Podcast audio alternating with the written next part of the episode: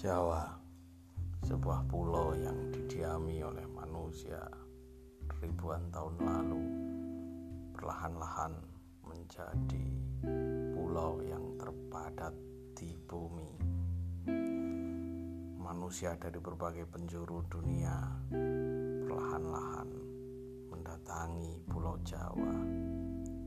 Setidaknya mereka selain berdagang, mereka ingin mengetahui kearifan lokal, kebijaksanaan-kebijaksanaan orang-orang yang berada di pulau ini.